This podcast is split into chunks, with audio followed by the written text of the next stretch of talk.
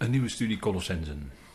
U allen van harte welkom bij deze nieuwe studie, 21ste, Colossense 2. Daar willen we vandaag naar gaan kijken. En het is een prachtige brief met de zoon centraal. En daarom willen we eerst beginnen met gebed, danken.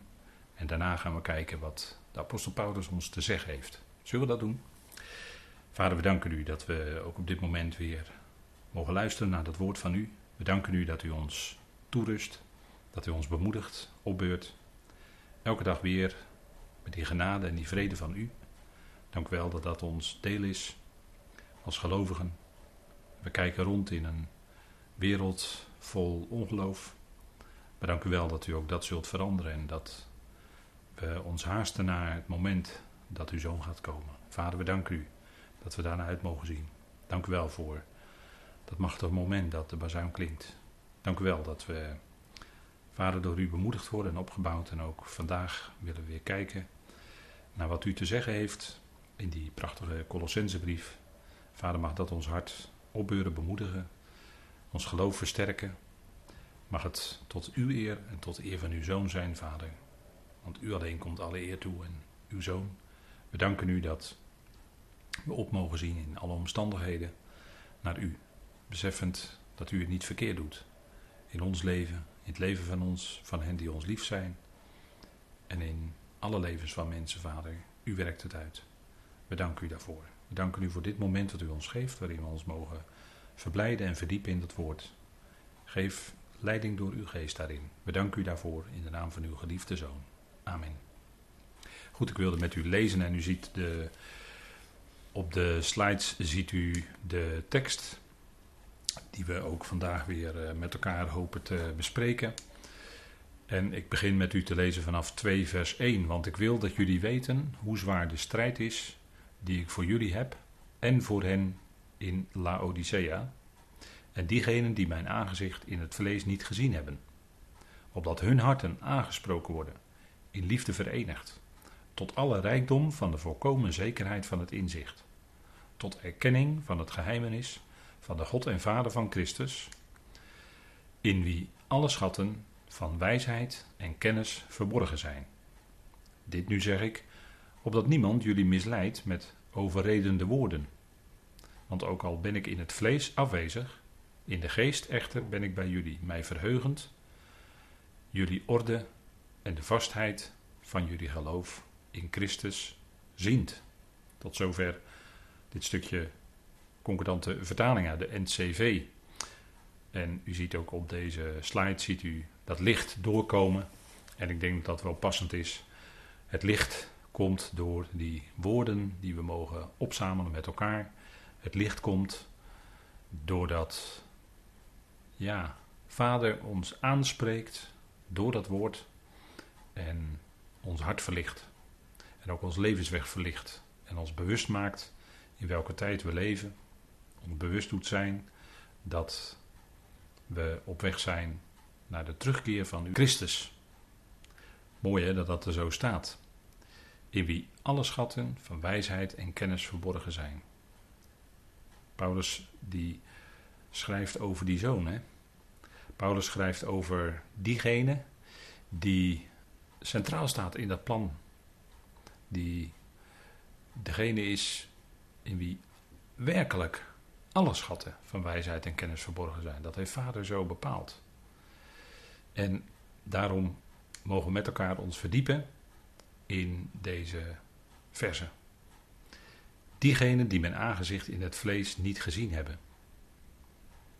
Dat hebben we gelezen met elkaar. Colossense 2, vers 1.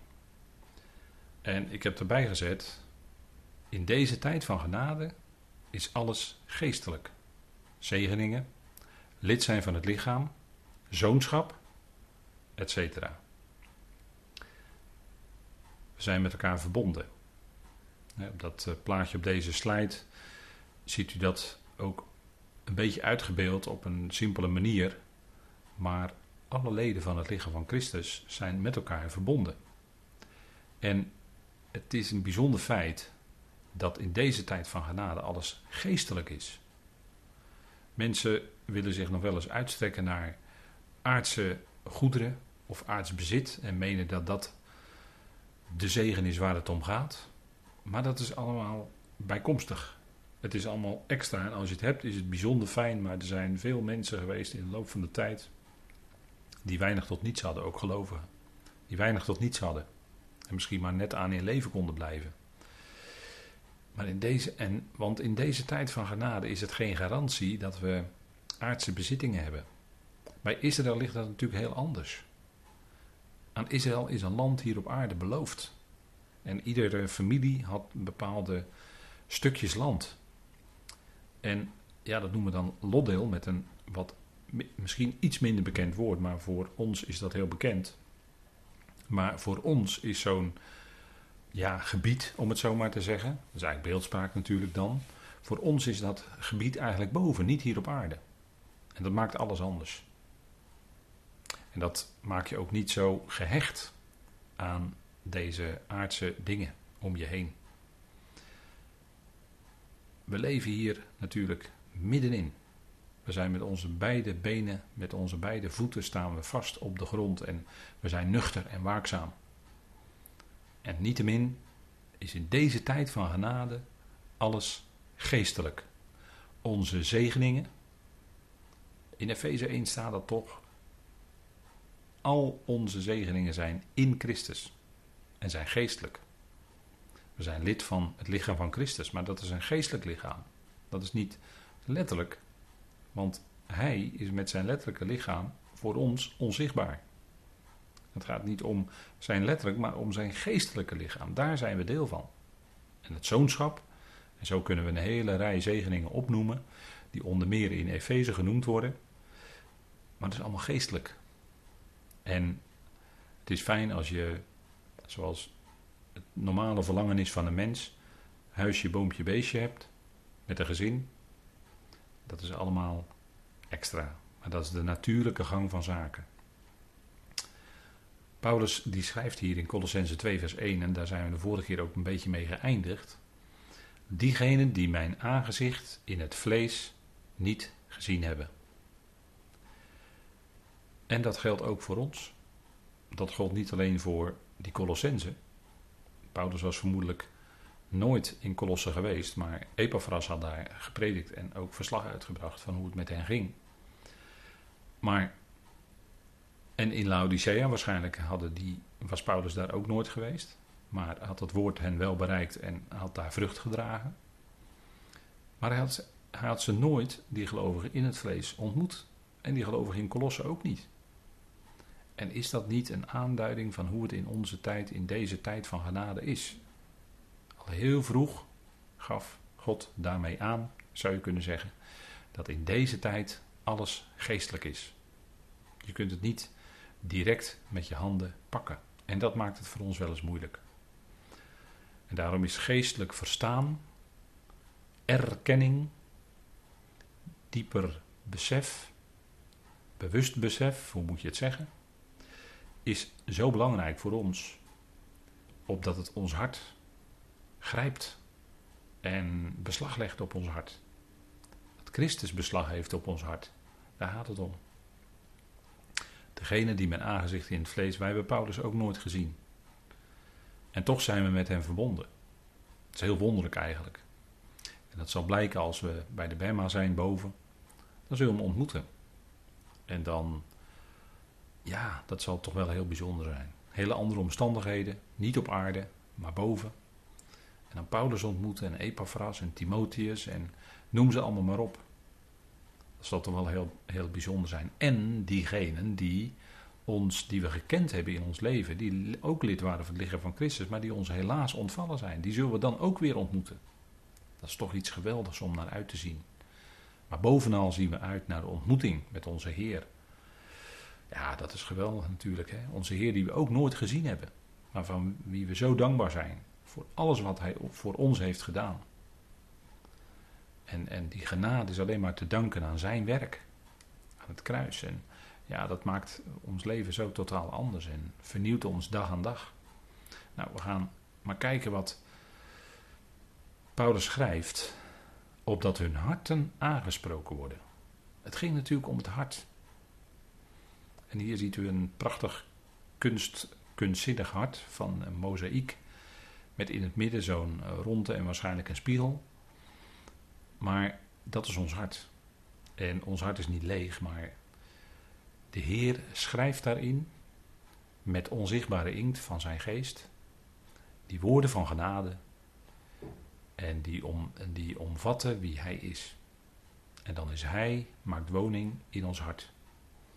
Dat is toch het kern, een van de kernen van de Efezebrief, Efeze 3, opdat Christus door het geloof in jullie harten, en dan staat er letterlijk, neer woont.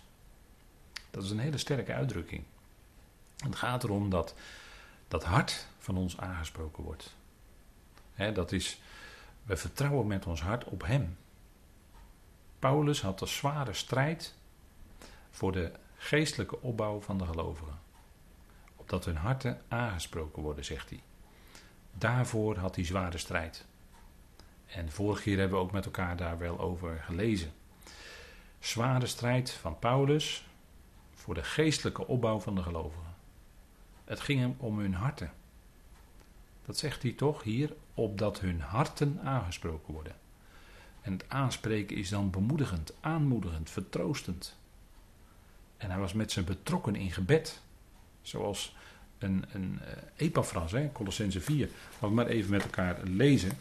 Colossense 4, vers 12 en 13. En dat lees ik dan met u even, die versen. Zoals die, die uh, bijzondere medewerker betrokken was bij hen. Jullie groet Epaphras, die een van jullie is, een slaaf van Christus Jezus altijd worstelend voor jullie in zijn gebeden, opdat jullie staan, gerijpt en ten volle verzekerd in heel de wil van God. Want ik getuig van hem dat hij veel smart heeft, zowel over jullie als over hen, die, als over hen in Laodicea en in Hierapolis. Nou, dat was waarschijnlijk ook een stadje of stad waarin gelovigen waren. Dat, dat, dat moet zo zijn geweest. En wat Epaphras deed, dat was toch heel bijzonder. Worstelend in zijn gebeden, opdat jullie staan.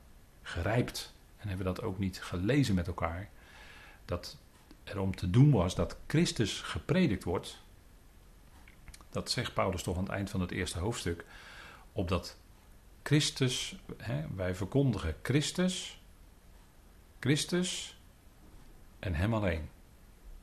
Want het was de bedoeling van daaruit dat ze zouden staan gerijpt op dat ieder mens zou zijn gerijpt in Christus Jezus. Nou, dat is waar Epaphras zijn gebed ook op gericht is. Gerijpt en ten volle verzekerd in heel de wil van God. Dat had natuurlijk alles te maken met een erkenning, een diepe erkenning. Hè, dat is dat bekende woord epignosis een diepere erkenning van heel dat plan van God, van heel die wil van God. En, en dat is toch vaak, we hebben de, uh, gezien dat een, een omvattende begrip van dat plan nodig is om echt gerijpt in Christus Jezus te kunnen zijn. En, als dat, en dat, is, dat constateer je toch dat, dat vele christenen dat, dat plan van God zoals het ontvouwd wordt in zijn woord helaas niet kennen. Dat machtige plan van eonen. En waardoorheen God met, tot zijn doel komt met iedereen. Door en hij voert dat uit in Christus Jezus ook. Nou, het gaat om het hart, hè. En, en die Epaphras, die worstelde in zijn gebeden. Op ja, jullie staan. En denk erom dat Paulus ook worstelde in zijn gebeden. Natuurlijk. Dat was het voorbeeld voor Epaphras. En die volgde dat voorbeeld. En dat was ook nodig opdat jullie staan. En dat is ook, hè, dat woord staan, dat doet ook denken aan het, het, ja, toch wel het kernwoord van het stukje Efeze 6 als het gaat om die hele wapenrusting van God. Dat gaat om staan, weerstaan, stand houden. Allemaal woorden die te maken hebben met staan. En daar, ging het natuurlijk, daar gaat het natuurlijk om geestelijke strijd. Die krachten en machten van de boosheid, te midden van de hemelsen, die hebben al hun pijlen gericht op de leden van het lichaam van Christus. En is het niet zo dat in onze tijd, en ook toen al constateerde Paulus dat, hè, ik heb daarbij gezet de, de versen 2 Korinthe 11 en Colossense 2, dat er mensen waren en die werden aangestuurd door bezig met prediken om de gelovigen op het verkeerde been te zetten. Zodat ze niet langer zouden staan. Maar zouden, ja, misschien wel eh, geestelijk gezien omvallen. En, en dat heeft niks te maken met wel of geen lid zijn van het lichaam van Christus of dat lidmaatschap kunnen verliezen. Dat kunnen we helemaal niet. Maar het gaat om in de praktijk staan blijven, stand houden. Op dat lotdeel boven. En in 2 Korinthe 11 zegt Paulus daar iets over, over andere werkers. En ik wil het even met u uh, lezen. 2 Korinthe 11 toch wel een uh, bijzonder stukje weer uit die uh, Korinthebrieven, die toch, ja, die tweede Korinthebrief is een brief natuurlijk voor ons hart. En de moeite waard, meer dan de moeite waard, om voortdurend te lezen en, en te overwegen. En dan zegt Paulus in 2 Korinthe 11, want zulke lieden zijn valse apostelen, bedriegelijke arbeiders, die zich voordoen als apostelen van Christus. En geen wonder, want de Satan zelf doet zich voor als een engel, als een boodschapper van het licht. Het is dus niets bijzonders als ook zijn dienaars zich voordoen als dienaars van gerechtigheid. Hun einde zal zijn naar hun werken. En dat is het punt, hè. Satan zet ook heeft ook zo zijn dienaren, kennelijk, hè, dat blijkt uit dit stukje. Maar ook de tegenstander zelf doet zich voor als een boodschapper van het licht. Dat wat verkondigd wordt, dat lijkt licht. Maar als je het langs de toets van het woord legt, en in onze tijd is dat toch ook in het bijzonder de brieven van Paulus, als je, als je dat toetst aan dat woord, dan kan het die toets niet doorstaan. En dan blijkt dat het afwijkende boodschappen zijn die gebracht worden. En ook vanuit de wereld kunnen er geluiden komen die zeggen van als we nou maar met z'n allen dit of dat doen of die kant op gaan, dan komt het goed. Dan zal het met, met die hele wereld best wel goed komen. Als we nou dit en dit met z'n allen gaan doen of daar en daar met z'n allen in meegaan, dan komt het wel goed. Dat, zijn, dat lijkt licht. Maar het zal blijken dat het wat anders is. En, en wat dat betreft is deze tijd heel gevaarlijk. We leven in gevaarlijke tijden. En 2 Timotheus 3 moet ik dan aan denken. Wat Paulus daar schrijft. Over de mensen. En dat is vooral de mensen binnen dat grote christendom. dan trekken we dus heel breed, in zijn uiterste breedte, het christendom, hoe de mensen dan daarin zullen zijn. En van oudsher weten we wat de christelijke landen zijn in deze wereld. Dat, dat zijn het in, in wezen niet meer, maar worden nog wel altijd zo gezien. Dan moet je maar kijken wat daar allemaal in gebeurt. En in deze tijd is een roep naar veranderingen en misschien wel een hele grote verandering. En dat lijkt heel mooi. En het wordt allemaal als licht en als mooi voorgespiegeld. Maar als je wat nauwkeuriger gaat kijken en wat dichterbij gaat kijken en ja, wat dingen erover leest en wat, wat mensen die zich daarin hebben, in hebben verdiept daarover zeggen, dan komt toch wel iets anders naar voren. En dan denk ik dat we leven in een gevaarlijke tijd. Waarin de tegenstander zich inderdaad voordoet als een boodschapper van het licht. Maar ja, als het gaat om de tegenstander, wat kun je dan verwachten? zei de Heer Jezus niet in Johannes 8 dat hij de vader van de leugen is. En dus ook als het een kleine variatie maken. De vader is van alle misleiding. En daarom denk ik dat het goed is om deze woorden uit 2 Korinthe 11, dat zijn ernstige woorden. We spreken met elkaar heel ernstig. Als het gaat om de ontwikkelingen in deze tijd en waar het naartoe gaat. En als we echt Gods woord erop naslaan, dan, ja, dan, dan weten we, uh, hè, als, u, als u Gods woord volgt, dan weet u waar het naartoe gaat. Dat profetische woord, dat is niet voor niks geschreven natuurlijk. Maar dat zijn vaste woorden en die, die geven ons licht en die laten zien wat er gaat, wat er gaat komen. En, en daarom is deze tijd zo gevaarlijk. We zitten zo dichtbij de terugkeer van Jezus Christus, van, van onze Heer. En dan gaat alles zich toespitsen. Het gaat steeds sneller. En men wil ook steeds sneller die veranderingen doorvoeren. Maar als het, en als het gaat om het geestelijk erf, alles wat binnen het christendom gepredikt wordt, dat is niet altijd naar de schrift. Helaas moeten we dat zeggen. En dat is niet om, om aan te geven, haha, wat weten wij het beter. Maar dat is om, om ernstig u ja, te, te roepen bij die woorden van de apostel Paulus. Die, die, ja, dat is toch de waarheid voor deze tijd. En waar men daarvan afwijkt, en Paulus is daar toch heel duidelijk in als hij aan Timotheus schrijft, hoe er afgeweken kan worden. Als men daarvan afwijkt, ja, dan, dan raak je toch bij dat licht voor deze tijd vandaan. En dan wordt het allemaal misschien toch wat mistiger. Dan wordt het niet meer licht, maar dan wordt het allemaal toch wat meer grijs. En grijs, dan denk ik aan mist. En dan denk ik aan. En bij mist, ja, daar kun je niet doorheen kijken. Daar kun je niet ver mee kijken. Dan, dan wordt het zicht belemmerd. Nou, arbeiders, zegt Paulus. Zulke lieden, en Paulus is heel duidelijk, zulke lieden zijn valse apostelen. Ik had het net, ik nam net het woord leugen in de mond. Dat de Satan, de tegenstander, de vader van de leugen is. Nou, dat woord vals is pseudo in het Grieks. En dat gebruikt Paulus hier. Valse apostelen. Bedriegelijke arbeiders. Bedrog. Er is veel wat zich mooi aandient in de christelijke wereld. Maar vaak blijkt het, en voor veel mensen blijkt dat tot hun schade, geestelijke schade, blijkt dat bedrog geweest te zijn. En als ze er later achterkomen, dan zijn ze diep teleurgesteld en diep ontgoocheld. Want er is zoveel bedrog. Ze doen zich voor als apostelen van Christus. Moet Paulus zeggen. Omdat hij scherp wil zijn. Hij moet scherp zijn om het onderscheid aan te geven. De tegenstander doet zich voor als een boodschapper van het licht. Nou, en dat was ook in Colosse aan de hand.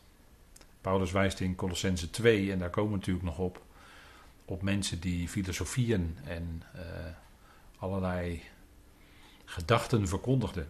En natuurlijk was in, in zijn dagen, hadden we, uh, was er net vier, vier, pakweg 500 jaar Griekse filosofie geweest, de grote wijsgeren, met allerlei filosofieën. En Paulus wist daar natuurlijk alles van door zijn opleiding. En je had in die tijd, hè, dat noemt men dan ook wel de gnostiek, een hele gevaarlijke geestelijke stroming, die ook eh, nog steeds eh, op geld doet hoor, ook in onze tijd. Dat in allerlei leringen toch, eh, om het zo maar te zeggen, gnostische trekken zitten. En waarin men dan zegt ingewijd te zijn in esoterische kennis. Dat soort zaken moet u dan aan denken. Ik noem even dat woord heel bewust. Esoterie. Dat heeft alles te maken met gnostiek. Dat is een hele gevaarlijke stroming. En die was in Paulus' dagen ook al. En daar waarschuwt hij ernstig tegen in deze Colossensebrief. Hij, wijst hij waarschuwt die Colossense er ook voor. En later heeft dat ook zijn grip gekregen binnen het christendom. Dus Paulus was uh, niet voor niks zo scherp in deze brief. Maar die zaken, daar zouden we, daar bedoelt Paulus, blijf bij dat evangelie. Blijf bij die Heer, blijf bij Christus. Christus centraal in hart en in ons leven. En daar gaat het om, dat is belangrijk. Hun harten, hun harten, en Paulus zegt nog meer, waarom die zich zwaar inspanden, hun harten in liefde verenigd. Kijk, Gods geest maakt ons één. Hè? Het plaatje staat ook: Ik ben uniek. Ieder lid van het lichaam is uniek. En ieder is nodig. Anders zou God niet hebben toegevoegd. In liefde verenigd. Ik ben uniek. Ieder lid van het lichaam kan dat zeggen. En God maakt ons één. Ik kan misschien een kleine correctie doen hier. God maakte ons één door ons allemaal diezelfde geest te geven. En als hij mensen toevoegt, geeft hij diezelfde geest. En is daar direct die eenheid. Die hoeven wij zelf niet te maken. Gelukkig niet. En die eenheid heeft natuurlijk alles te maken, Gods geest heeft natuurlijk alles te maken met zijn liefde. En, en dat is de basis ook voor de eenheid uitleven in de praktijk. De basis daarvoor is Gods liefde. basis daarvoor is het diepe besef dat we tezamen met Christus gekruisigd zijn, begraven en opgewekt en in nieuw leven wandelen. Dat zijn zo die basisblokjes die we neer kunnen leggen, waarop we kunnen bouwen. Gods liefde bleek in dat kruis en opstanding van onze Heer. En die liefde van God, die maakt ons één in de praktijk. Waarin, we ons bewust zijn dat we door die geest één zijn en we zouden die eenheid met elkaar uitleven in de praktijk. Dat kan door liefde. Als daar liefde is, dan is er ook groei. Als er liefde is, dan heb je ook inzicht. Gods liefde geeft ook inzicht, erkenning, rijpheid. Allemaal principes die geestelijk zijn, maar die wel degelijk van fundamenteel belang zijn om die eenheid in de praktijk te kunnen uitleven. Hoe dieper het inzicht, hoe meer je zult kunnen leven en uitleven die eenheid van de geest. Hoe meer erkenning, hoe meer je dit beseft, die eenheid, en, en, je wil, en hoe meer je dan ook daaruit wil leven en, en daarop gericht wil leven. En als die liefde nou ontbreekt, want je kan het natuurlijk een beetje omdraaien dit, als die liefde nou ontbreekt, dan belemmert dat de groei. Dan belemmert dat het toenemen van inzicht. Dan belemmert dat het, het dieper gaan erkennen. En dan kun je ook niet groeien naar die rijpheid, die volwassenheid in het geloof. Als God liefde ontbreekt, dan, dan, dan wordt dat enorm belemmerd. Terwijl het misschien in geestelijk opzicht wel allemaal feiten zijn. Efeze 4, vers 1 tot en met 7 spreekt daarvan. Maar dat je daarin gaat groeien, daarin dieper inzicht gaat krijgen, ook voor de praktijk, erkenning en rijpheid. Ja, daar is liefde voor nodig. Groeien in de liefde. Paulus noemt toch dat we in Efeze 3 dat we geworteld en gefundeerd zijn in de liefde. Nou, dat wortelen, dat, daar doet een boom best wel lang over. Om goed te wortelen in de grond. En zo ook bij ons als gelovigen. Wij doen er jaren over om ons goed te wortelen in die liefde. En daarin ook te groeien. En hoe dieper je worteltjes daarin zijn uitge, doorgegroeid, hè, zijn, naar beneden zijn gegroeid in die liefde, hoe meer je ook in staat zult zijn om die andere werkelijk onvoorwaardelijk, want dat is een heel belangrijk woord bij liefde, onvoorwaardelijk lief te hebben. En hoe vaak leggen wij niet in onze gedachten, of misschien zelfs wel in de praktijk, want dat zie je gewoon, dat hoor je gebeuren, leggen wij voorwaarden neer voor die ander. En pas als die ander aan, aan, aan onze denkbeeldige of in ons hart voorwaarden voldoet, pas dan. Nee, geen voorwaarden. Die ander gewoon onvoorwaardelijk liefhebben. De gelovigen. Maar ook die ongelovigen. Het zijn mensen. En God houdt van de mens. Geliefd is de mens. En hoe meer we geworteld zijn in die liefde van God, van Vader, hoe meer we ook in staat zullen zijn om die ander die we ontmoeten in ons dagelijks leven. En vooral natuurlijk hen die ons nu al lief en dierbaar zijn. Onze naasten, onze familieleden enzovoort. Maar daarnaast en daarbij net zo die andere mensen die we tegenkomen. Met Gods ogen kijken maakt alles zo anders. God heeft die ander lief. Die we ontmoeten op onze levensweg. En dat zonder voorwaarden. Dat is toch wel heel bijzonder, hè? Ieder mens is uniek. En ieder lid van het lichaam is uniek. U en ik, we zijn geliefd door Vader. En dat maakt, ja, dat maakt alles anders. Hè? Dat, dat doet die blijdschap als je dat besef weer toeneemt in je hart. In je hoofd richt zich, hè, je, je blik richt zich van binnen dan weer omhoog naar Vader. Terwijl er zoveel is wat onze blik ter neergeslagen kan maken. Als we al die berichten in deze maatschappij, in deze wereld en alles wat er gaande is op ons af laten komen, dan word je ter neergeslagen. Als je daardoor laat bepalen. Maar laten we ons bepalen door het evangelie wat we mogen kennen. Het evangelie van genade. Dat God die wereld lief heeft. Dat God die wereld met zich verzoend heeft in Christus.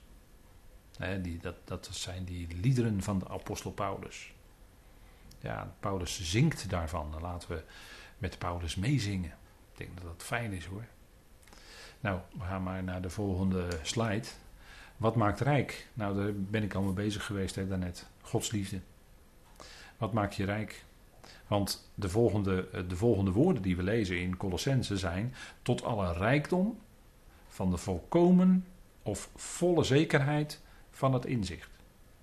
Kijk, als je volle zekerheid hebt gekregen van het inzicht, en dat heeft alles te maken met Christus, met dat geheimenis van Christus. Ja, dan, dan weet je, dan ben je een, een, een enorm rijk mens.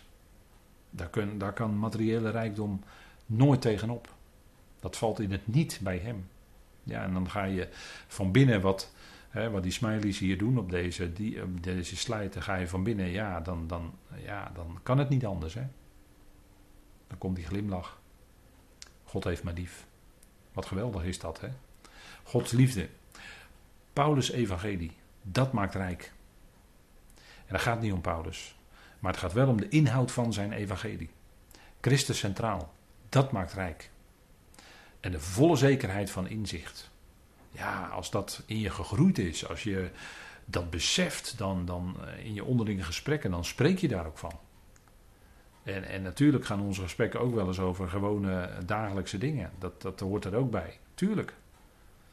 Maar we beseffen dat we die band hebben en, en, en die zekerheid van binnen hebben, van dat inzicht.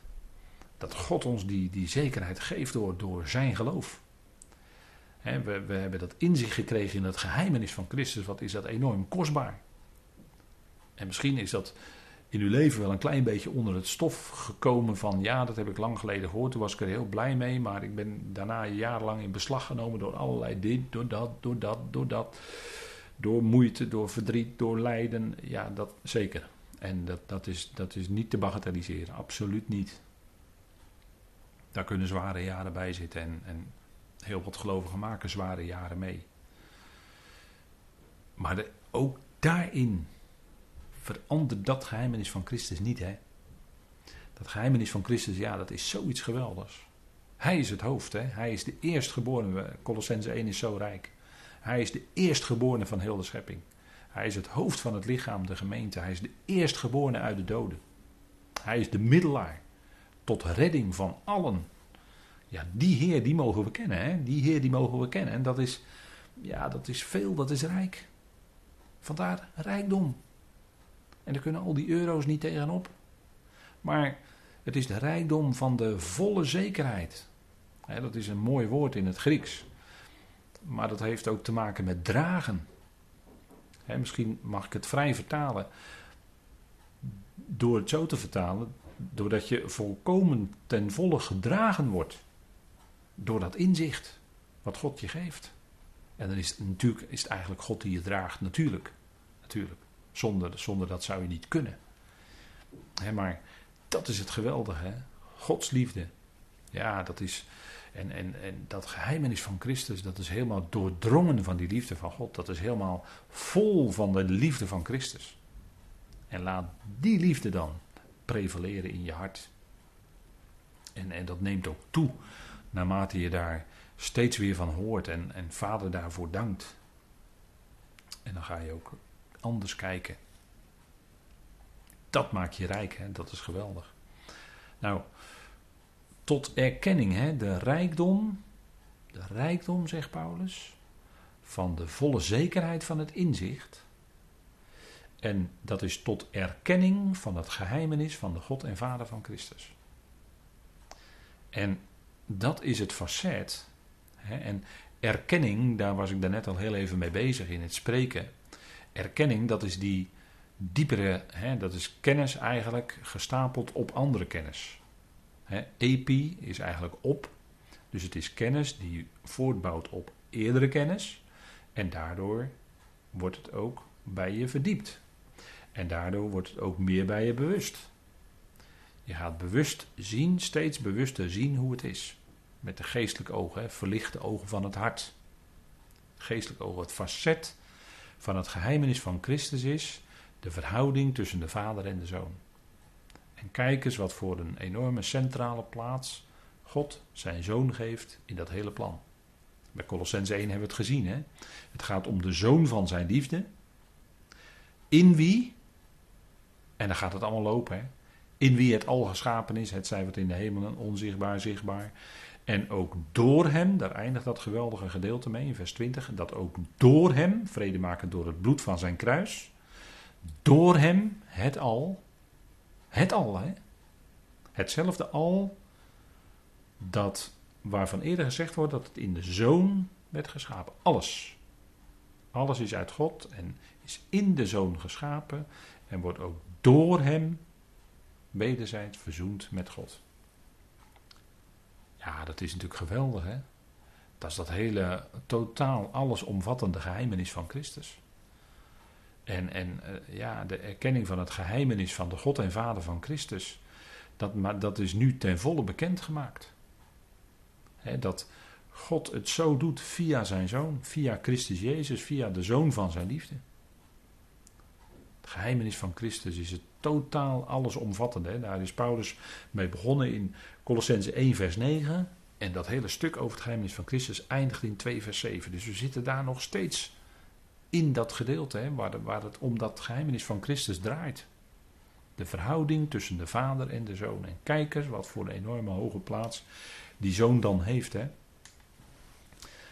Kijk, vader die legt alle schatten van wijsheid en kennis in de zoon.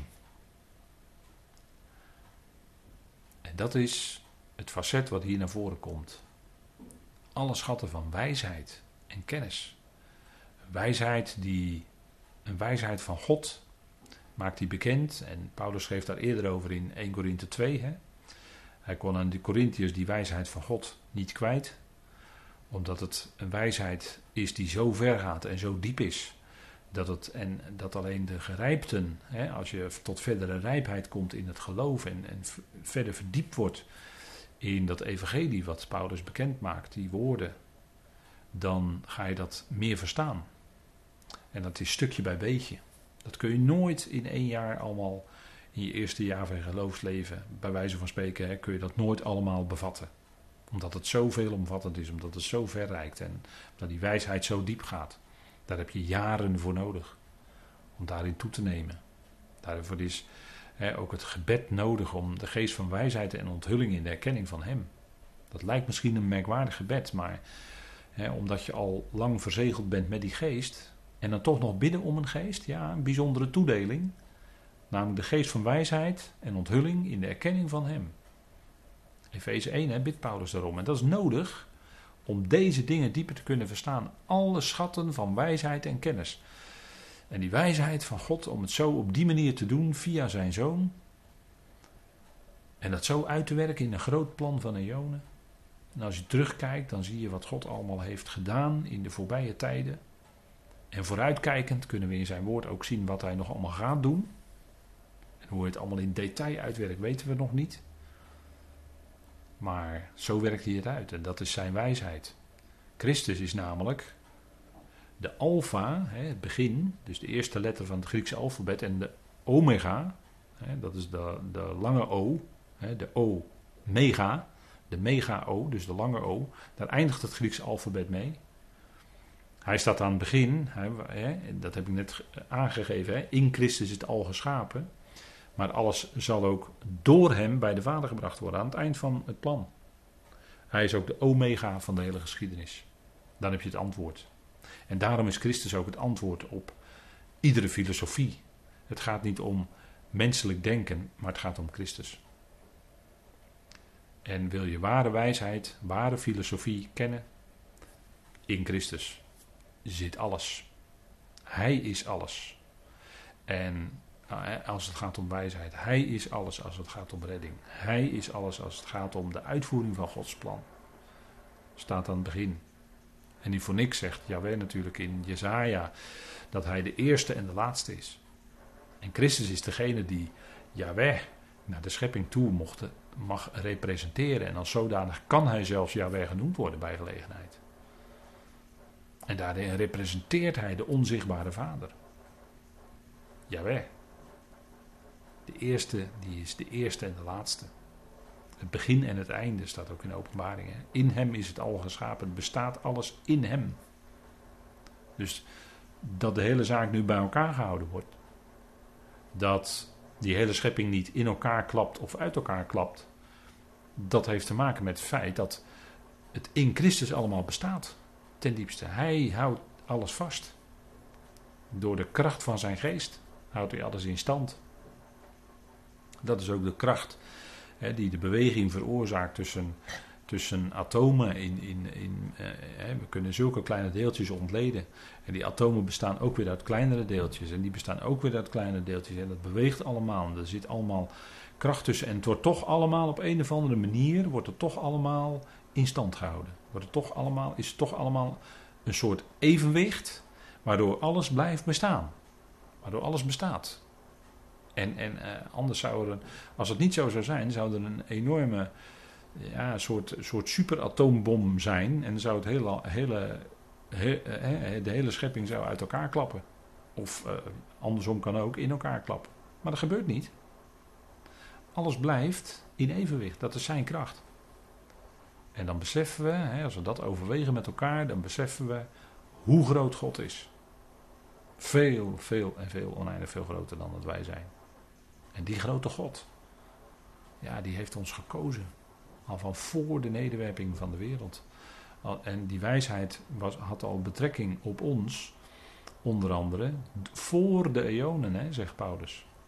Het was een wijsheid van voor de eonen, als ik denk over 1 Corinthië 2. En door hem, door Christus Jezus, zijn ook die eonen gemaakt, zegt Hebreeën 1 vers 2. Is helaas in de vertaling wegvertaald met de wereld, dat door hem de wereld gemaakt is. Maar eigenlijk staat er, door hem zijn de eonen. Het is niet enkelvoud wereld, maar er staat meervoud eonen. Door hem zijn de eonen gemaakt. Nou, al die tijdperken, hè? bijzonder, denk ik. God bewerkt door hem de verzoening van het al. God voert in hem zijn plan van eonen uit. Ik heb het al daarnet even genoemd. Hè? En onder hem als hoofd komt alles in de hemelen en op de aarde. En de nep-Christus, de antichrist, of de wetteloze, die binnen afzienbare tijd op het wereldtoneel zal komen, die zal die plek in willen nemen. Die wil die plek innemen als hoofd van hemelen en aarde. En daarin zie je het tegenstander karakter wat daarin zit.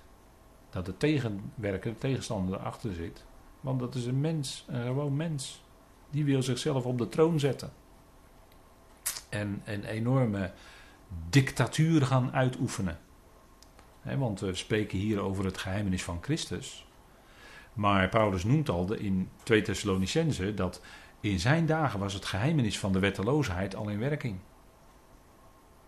En, en dat, dat uh, is, is, heeft zich ontwikkeld en dus al die, al die tijd, al die 2000 jaar blijven bestaan. En dat, en dat zal komen tot volle ontplooiing, dat geheimenis van de wetteloze. Van de wetteloosheid, als de wetteloze zich zal neerzetten als de grote dictator van de eindtijd. Dan zal de hele wereld één grote totalitaire staat zijn. Een dictatuur, zoals ongekend is geweest en zoals het daarna ook nooit meer zijn zal. Dat zal een vreselijk schrikbewind zijn. In het nabije verleden hebben we dat gezien in landen waarin een waar schrikbewind werd uitgeoefend. We weten uit de geschiedenis wat dat betekende. Maar er staat de wereld, en we kunnen niet anders, openbaring spreekt daarover. De wereld zal binnen afzienbare tijd zo'n vreselijk schrikbewind nog één keer moeten ondergaan. En dat is omdat die wetteloze, omdat de tegenstander via de wetteloze zichzelf op de troon wil zetten en zichzelf in de plaats van de Christus wil stellen. Maar Efeze 1 zegt, de waarheid, dat onder hem, onder Christus Jezus, de Zoon van God, de Zoon van God de Vader, dat onder hem als hoofd het al, alles in hemelen en op aarde zal komen. Dat zal zo zijn als die laatste eon tot zijn voltooiing komt, in die laatste eon van de nieuwe hemel en de nieuwe aarde. dan zal alles onder hem gekomen zijn als hoofd. Ja, dat is een geweldige toekomstmuziek, maar dat duurt nog een lange tijd voordat het echt zo is. En de zoon brengt alles onder de vader, 1 Corinthië 15. Nou, u ziet hè, hoe groot dat geheimenis van Christus is. Hoe groot Christus Jezus is. Als de zoon van de vader, de zoon van zijn liefde. En dat hij alles tot volkomenheid zal brengen. En Colossense zegt toch ook, in vers 19 hebben we dat gezien, heel het complement van de Godheid woont in hem. Nou, we hebben gezien wat dat betekent. En dan zien we hoe groot en hoe groot die heerlijkheid van Christus is. En gelukkig zal die komende dictatuur maar een korte tijd zijn. En dan zal die verslagen worden, die enorme dictator, die despoot van de eindtijd. Door wie? Natuurlijk door de Heer Jezus Christus zelf, die zal komen als Yahweh Zebaot en zijn volk zal verlossen. Hij zal daar zelf een einde aan maken. Dat maakt de openbaring natuurlijk duidelijk. Heel het complement van de Godheid woont in hem. Dan zal blijken wie hij is. En dan zal er die hele mensheid, die zucht onder het vreselijke juk, onder het schrikbewind, zal hij Israël en de volkeren verlossen. Nou, even tot zover. We gaan even met elkaar pauzeren. En na de pauze met elkaar verder overwegen.